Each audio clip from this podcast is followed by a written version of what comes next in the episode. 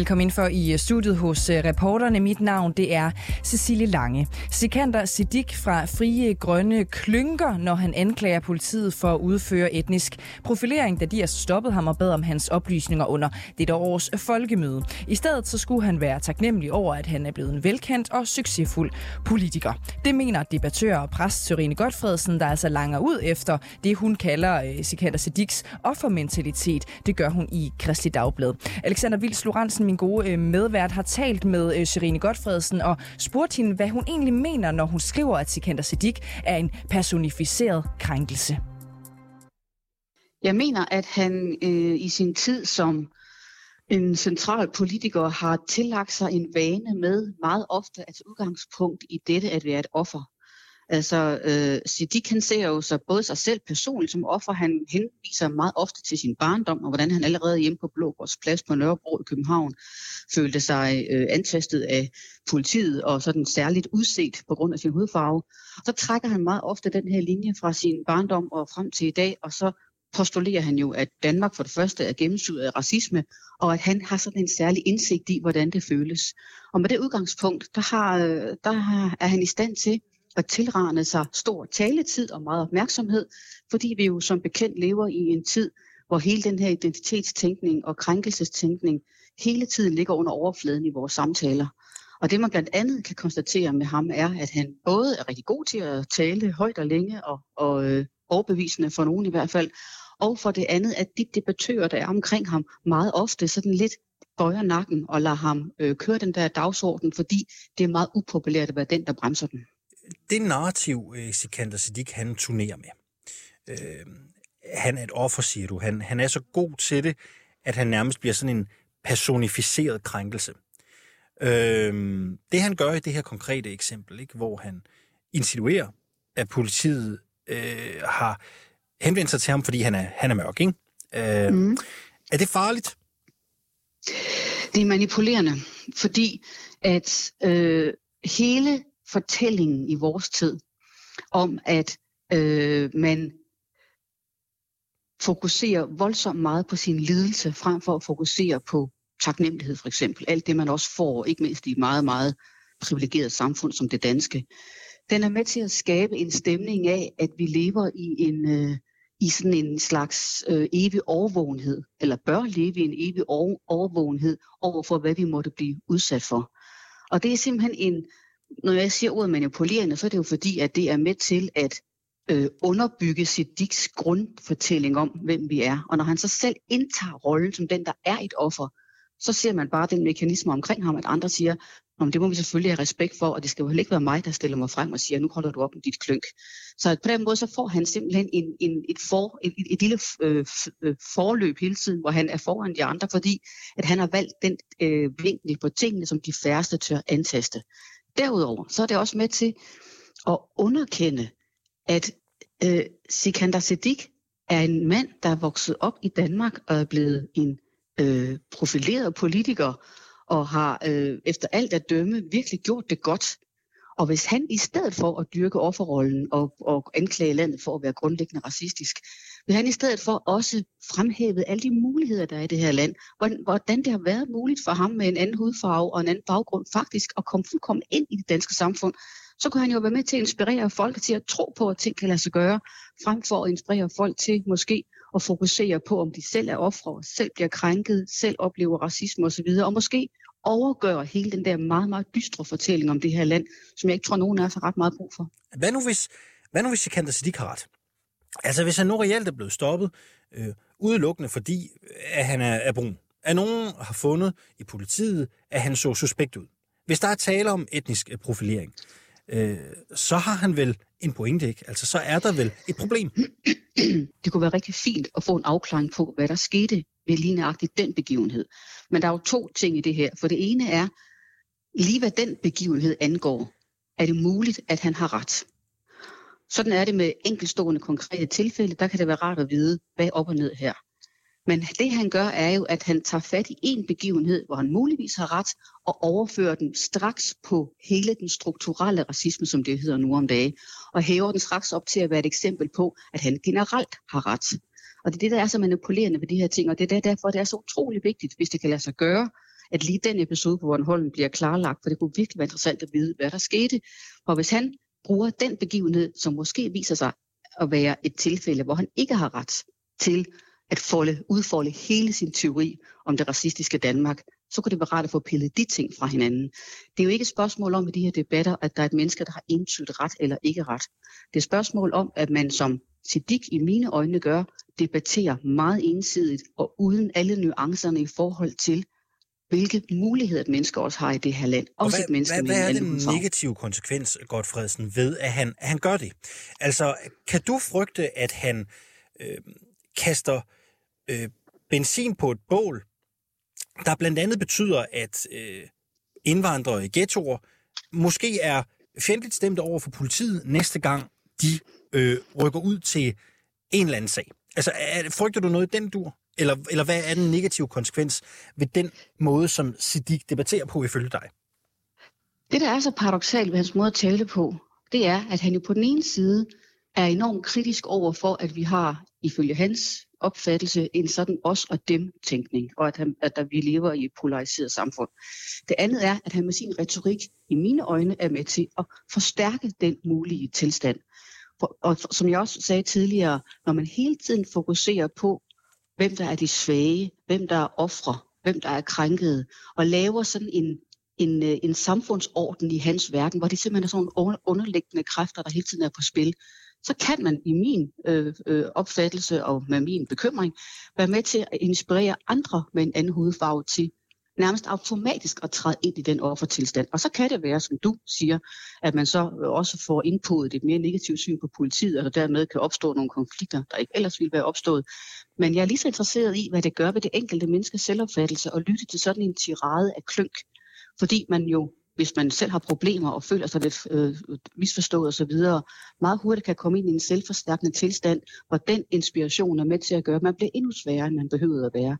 Og jeg synes, at nogle af de her identitetsfortalere og racismeanklagespersoner, som Siddiq jo i den grad er, de skal simpelthen tænke på, hvad det er for en, hvad det er for en mentalitet, de er med til at dyrke, og, og hvor meget de stik mod sikkert deres ønske er med til at gøre andre mennesker omkring dem sværere, end de måske er. Øh, du er jo selv, du er selv teolog og præst, øhm, ja. og kender jo om nogen meget til næstekærlighedsbegrebet. Du, øh, du skriver jo i din kommentar, at Siddiq, og det siger du også i interviewet her, er en personificeret krænkelse. Øhm, hvor næstekærligt synes du, det er at smide det prædikat på en, øhm, på en anden debattør? Det synes jeg ikke har noget som helst med næstekærlighedsbegrebet at gøre. Altså, så vil du kunne gå ud og tage det, alle mulige nuancer ud af debatten og sige, taler du næstekærlighed her? Sådan, sådan kan vi ikke bruge det. Næstekærligheden er jo en ordre eller en fordring, et menneske får, når man skal tage vare på en anden, når man øh, møder hinanden i det virkelige liv. Og i debatten har vi nogle gange formuleringer og ord, der selvfølgelig er direkte og kontante. Sådan er den danske debat. Så, og så kan man ikke bruge næstekærlighed i, debat, i, i debatten? Jo, hvis jeg har sagt noget om, om Siddiq, som var meget, meget, meget, meget groft og nedværdigende, så kunne man, det synes jeg bestemt ikke, det her det er. Det er selvfølgelig en smagsag. Men selvfølgelig kan vi kalde hinanden forskellige sådan klare ting for at få et budskab frem. Jeg synes ikke, at næstekærligheden skal rodes ind i, i vores øh, i, i sproglige nuancer på den måde. Så kan vi jo til sidst, øh, så skal vi jo sidde og, og kontrollere vores, vores, øh, vores strøm af ord øh, fra morgen til aften. Sådan fungerer det jo ikke. Næstekærligheden er et begreb, som vi i den danske debat har det med at misbruge og presse ind i alle mulige øh, sammenhænge, hvor det ikke hører hjemme. Og jeg lover dig for, at øh, næstekærligheden i min verden og i den teologiske verden først og fremmest handler om, hvordan man behandler hinanden, når man står over for hinanden i virkeligheden. Man skal også kontrollere sit sprog, det er vi enige om. Men den her synes jeg virkelig ikke er slem. Nej, så, så næstekærlighed er primært det fysiske møde med et andet menneske? Næstekærlighed er jo at tage vare på et andet menneske, når det andet menneske har brug for det. Og det gør man jo først og fremmest, når man står for hinanden i virkeligheden.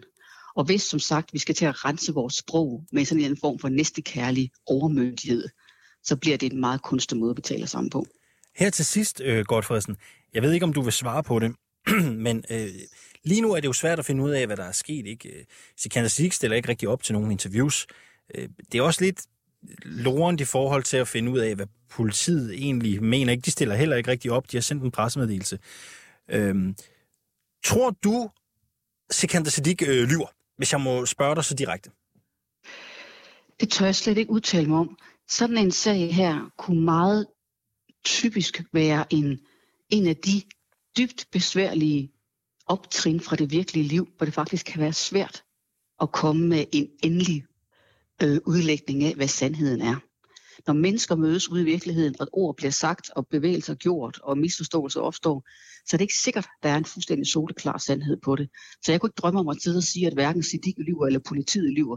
Men jeg vil meget gerne, hvis det var muligt, kunne det være meget interessant at få et dybere indblik i, hvad der helt nøjagtigt foregik. Men det kan sagtens ende med, at vi aldrig får det. Ja, sådan lød det altså, da min øh, gode øh, værtskollega Alexander Vils Lorentzen talte med præst og debattør Serine Godfredsen.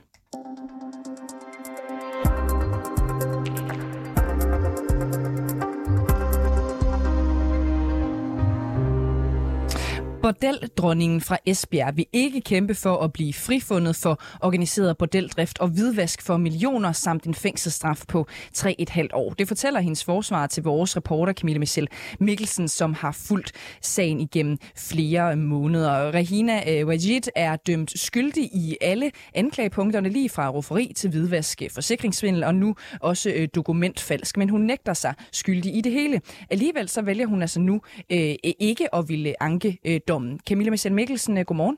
Godmorgen. Du øh, kan gøre os øh, lidt klogere på, hvorfor hun øh, nægter sig skyldig, men alligevel ikke vælger at, at anke, fordi det kan jo lyde øh, for mig, som sidder her i, i studiet på afstand, en lille, mule, øh, en lille smule mystisk. Ja, det kan jeg godt forstå. Jamen, jeg har fået øh, nogle forskellige grunde der fra hendes forsvar, Jørgen Iversen. Øhm, og han har givet mig lov til at fremlægge nogle af dem i dag, selvom at dommen jo faktisk først, øh, hun kan anke helt frem til fredag. Mm. Men nu vælger hun altså at sige, hvorfor hun ikke vil gøre det. Og den ene handler om sagsomkostningerne. Det er enormt dyrt, og hun kan risikere med en kæmpe regning, hvis hun tager denne her fra byret til landsret.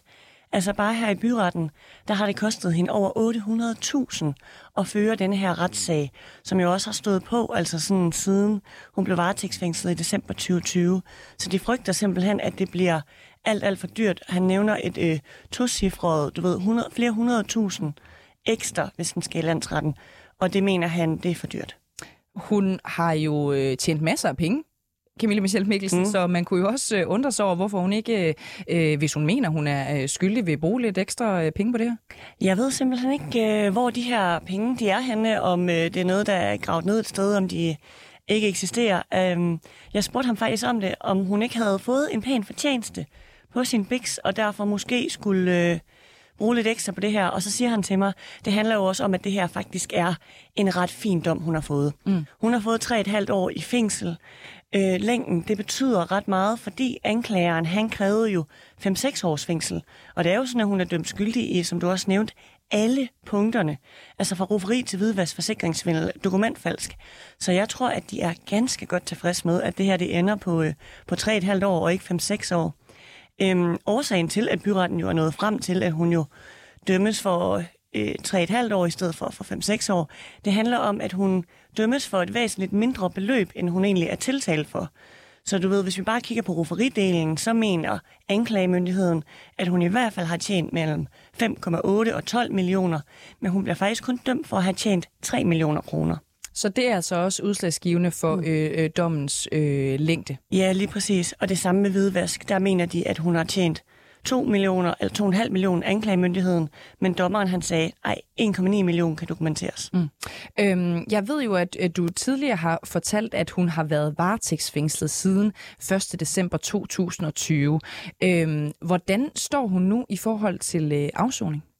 Jamen altså, hvis det forløber, som Rihanna Vajit, som bordeldronningen jo hedder, og hendes forsvar, Jørgen Iversen, de gerne vil, så ser vi faktisk øh, på, at hun nok kan komme ud meget, meget snart.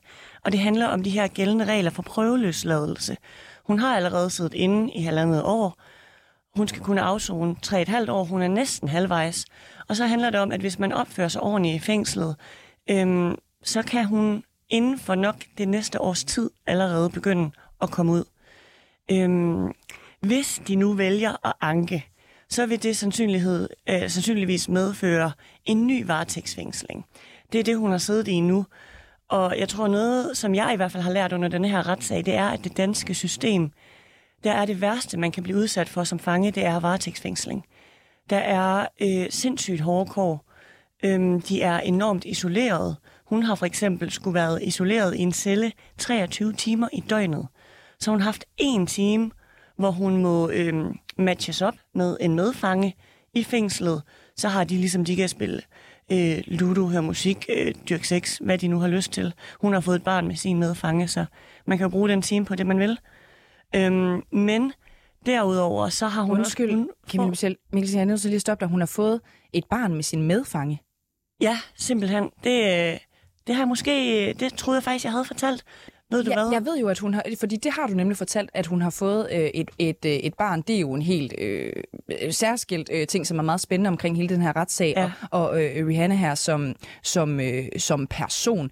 Men det er simpelthen med en medfange. Ja, ah, men ved du hvad, det, er, det skal jeg da næsten fortælle sig. Jamen hun sidder Ja, jo simpelthen 23 timer i døgnet isoleret. Altså ud af døgnets 24 timer. Så har de en time om dagen, hvor de ligesom bliver matchet op med en medfange. Øhm, og hun er så blevet matchet op med en ung mand på sin egen alder. Og øh, i den time, de har brugt om dagen sammen, der har de jo i hvert fald formået at lave et barn. Og i dag er de altså kærester, fortæller Rihanna Vajet. Og øhm, faren er en del af barnets liv, men sidder jo stadig inde. Så han har kun set barnet én gang, fordi de har siddet i hver deres øh, fængsel, efter at hun ligesom blev flyttet fra et fængsel til en andet. Har vi øh, noget kendskab til, hvem faren er, øh, Camilla Michelle Mikkelsen? Fordi han øh, har jo siddet varetægtsfængslet, præcis som øh, Rihanna her øh, hører vi om. Ved vi, om han er en øh, rigtig skurk, eller om det er noget økonomisk øh, øh, kriminalitet, øh, hvis du forstår, hvad jeg mener? Ja, det, ved- det ved vi godt. Jeg har talt faktisk øh, både med ham og med øh, svigermor Charlotte. Og øh, de er ikke interesseret i at komme ud med hans, med hans dom. Men det, jeg i hvert fald godt må sige, er, at han sidder inde for øh, noget voldskriminalitet. Okay, Ja. så potentielt, og nu tolker jeg, en rigtig skurk. det kommer an på, hvad en rigtig skurk er. Jeg synes også, Stein Bakker er en skurk. Eller Britta, Britta Nielsen, ikke? Ja. Øhm, noget, som jeg bare lige tænkte, jeg vil spørge dig også øh, om afslutningsvis, øh, Camilla Mikkelsen, det, det der med, at der jo fra anklagerens side også på et tidspunkt i løbet af retssagen blev stillet spørgsmålstegn ved, der blev spekuleret i, om det kunne være øh, taktik, at mm. Rihanna her har valgt at få øh, et barn. Hvad er din tolkning af det, når hun bruger den her øh, ene time i løbet af døgnet på, ja, og det er jo sådan, det øh, sker blomsterne af bierne og sådan noget, ikke? Mm. Altså simpelthen at, at dyrke sex med den her øh, øh, indsatte, øh, som nu er far til hendes barn? Jamen, jeg forestiller mig faktisk, at hvis man er isoleret 23 timer i døgnet, så den kontakt, man så får, den time, det kunne nærmest være hvem som helst. Altså, det er bare, øh, det er bare dejligt. Og hvis hun så har mødt et menneske, der er sødt og har været interesseret i hende, og så tror jeg måske godt, det kan være reelt, det her. Altså, jeg, jeg ved ikke, jeg kunne bare slet ikke forestille mig selv at være isoleret 23 timer af, af døgnet. Øhm, så det er rigtigt, der er blevet spekuleret i, har hun fået det her barn i fængslet for ligesom at undgå udvisning, som anklageren jo vil have. Hun er statsløs Rohingya, så han vil have ud med hende. Det har så vist sig, at det er lidt svært at udvise hende noget sted hen, fordi hun ligesom ikke har et sted, der er mere hjem for hende, end Danmark er. Men når hun sidder der i retten, så, øh, så bliver hun oprigtig ked af det, når, når de anklager hende for det her. Altså hun græder, og hun siger, at hun elsker den her mand, og hun elsker sit barn, og hun håber, at de skal være en familie. Og det jeg jo også oplever, det er, vi talte også med svigerfaren, øh, da vi var til stede på domsdagen, og vi har talt med svigermoren løbende. De håber jo, at øh, Rihanna og, og kæresten og barnet flytter hjem til dem mm. øh, uden for Esbjerg efterfølgende. Øh, du arbejder jo også på podcasten øh, Bordeldronningen, som selvfølgelig handler øh, om den her meget øh, spændende kvinde, som altså nu har fået sin, øh, sin dom, og som, som vælger ikke at anke. Man kan finde øh, podcasten alle de steder, hvor man øh, normalt øh, henter den slags. Mm. Øhm, hvad handler det næste afsnit om? Det næste afsnit, det handler om Nicole, som er sexarbejder og har været det i 10 år. Hun kender Rihanna tilbage fra Esbjerg. Du ved, de har gået i byen sammen, spist frokost og sammen og sådan noget. Og så siger Rihanna i retten, at det er Nicole, der har hjulpet Rihanna ind i branchen. Hun har hjulpet hende med at skabe den her business. Nicole, hun har en anden udlægning af sagen. Hun har arbejdet i nogle af Rihannas lejligheder og siger, at hun har mere øh, hjulpet sine veninder sine øh, sexarbejdende veninder ind på Rihannas modeller. Så hun siger, så på den måde har jeg jo hjulpet Rihanna, men jeg har ligesom ikke været med til at skabe det her imperium. Jeg har bare fortalt hende, hvordan hun synes, hun skulle køre det. Fordi at øh, sexindustrien primært er drevet af mænd, og der sidder de to en dag i maj 2017 og bliver enige om, prøv at høre, prøv at tænk, hvis man kunne drive et kæmpe, altså ikke imperium kalder de det, men et, et altså sådan en masse lejligheder med gode forhold for kvinder, hvor at pengene ikke går til mænd. Mm. Så det er sådan lidt en girl power ting for dem, tror jeg. Øhm, her til sidst, du øh, nævner jo også, at øh, alt det her øh, tager jo øh, sted og plads i Esbjerg, mm. øh, byen, hvor du også selv er fra. Det er også derfor, vi har sendt dig afsted. Du har rigtig godt øh, kendskab selvfølgelig til, til, til byen, og hvem der sidder for bordenden i de forskellige øh, øh, ja. instanser i Esbjerg. Hvad siger øh, befolkningen og, og borgerne egentlig i Esbjerg til den her kæmpe øh, skandalesag? Jamen, de er rystet. Altså særligt denne her gade... Øh, Rihanna har jo haft en tøjbutik i en af Esbjergs sådan lidt finere gader, og der har jeg jo blandt andet været rundt til butikkerne rundt om, og de, øhm, de sagde, at hun var altså speciel, hun skilte sig ud, men de havde ikke regnet med, at det var hvidvask, roferi, Altså, de, de føler jo, det er en hel underverden, der gemmer sig. Esbjerg har jo også haft problemer med rocker og sådan noget, så altså, der gemmer sig lidt mere under øh, det er også pæne Esbjerg, som man ser, og det tror jeg, øh, det er de meget, meget overrasket over, og de, øh, de er sgu også lidt skuffede. Altså sådan, nogle af dem er sådan, så har hun bare tjent så mange penge på det. Altså, du ved, det er jo også en, en by, hvor folk har respekt for forretninger, hvor de sådan, åh, så klarede sådan en ung kvinde alligevel det. Så der er også lidt respekt i stemmen på nogle af dem. Camilla Michelle øh, Mikkelsen, øh, tak fordi du var med øh, her til morgen. Og jeg siger jo også bare lige her til sidst, at man kan finde podcasten Bordeldronningen under programmet Døgnrapporten, skal vi også lige huske at sige. Altså der, hvor du finder alle dine podcasts. Det var alt, hvad vi havde til jer her hos øh, reporterne. Husk, du kan finde afsnit, øh, alle afsnit af reporterne der, hvor du normalt finder dine podcasts. Tusind tak, fordi I lyttede med.